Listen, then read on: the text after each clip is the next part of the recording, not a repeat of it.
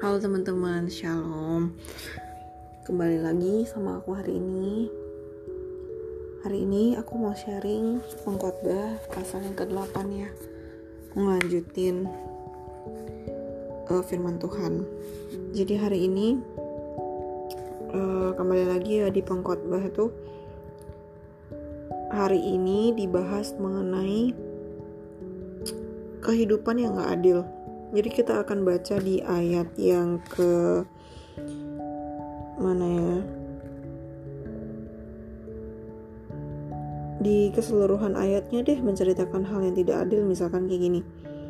Uh, orang fasik boleh masuk ke tempat kudus, sedang orang hidup benar harus pergi. Terus orang berdosa hidup satu sekali lebih lama dari orang benar di ayat yang ke-12 ya. Orang fasik bahkan menerima pahala yang selayaknya diberikan kepada orang benar kayak gitu loh.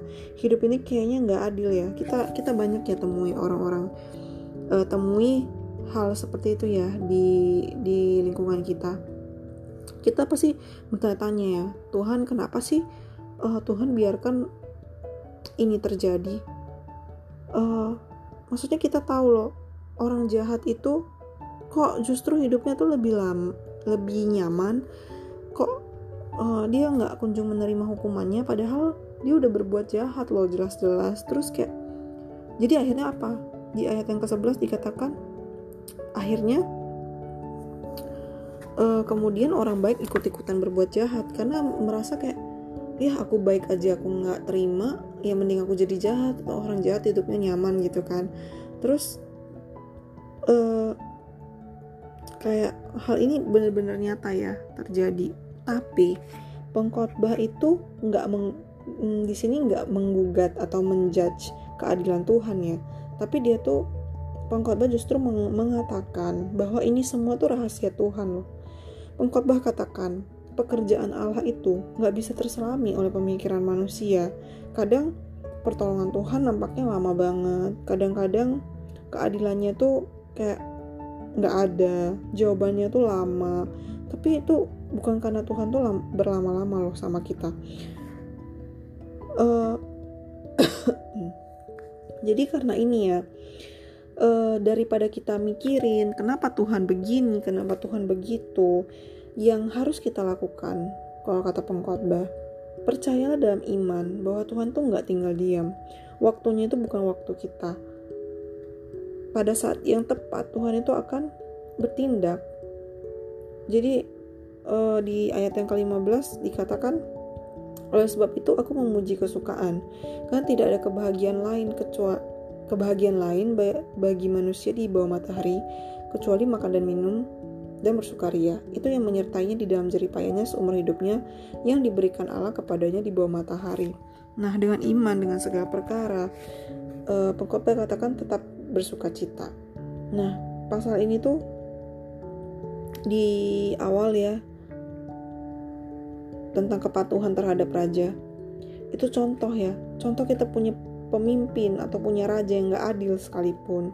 Kita nggak buru, kita nggak boleh buru-buru untuk protes gitu. Kita harus bijak, kita harus tahu gimana meresponi, uh, memberikan respon yang tepat, memberikan respon yang uh, baik tepat pada waktunya gitu ya nah karena ini contoh demikianlah juga kita harus menghadapi ketidakadilan di hidup ini tuh jangan kayak gitu ya kayak gitu. Maksudnya jangan buru-buru apalagi nyalahin Tuhan bilang Tuhan nggak adil. Responi semua itu dengan apa? Dengan hikmat dengan jaga hati jaga tindakan kita tetap benar. Karena gimana pun hanya Tuhan yang berkuasa atas segala sesuatu termasuk masa depan kita. Kita uh, tugasnya hanya percaya keadilan Tuhan itu dinyatakan tepat pada waktunya hidup memang kita rasa nggak adil. Tapi uh, orang yang hidup benar bagaimanapun akan tetap menikmati hidupnya seperti yang dikatakan di ayat yang ke-12 ya. Walaupun orang yang berdosa dan yang berbuat jahat seratus kali hidup lebih lama namun aku tahu bahwa orang yang takut akan Allah akan beroleh kebahagiaan sebab mereka takut terhadap hadiratnya. Jadi jangan pernah iri sama orang yang berbuat jahat hidupnya nyaman dan sebagainya. Karena segala sesuatu itu ada uh, kalau sesuai ke kitab pengkhotbah ya segala sesuatu tuh ada waktunya segala sesuatu tuh ada gejalanya tersendiri. Jadi uh, responi dengan baik. Kita nggak akan pernah menyelami pekerjaan Allah karena kita terbatas Tuhan nggak terbatas.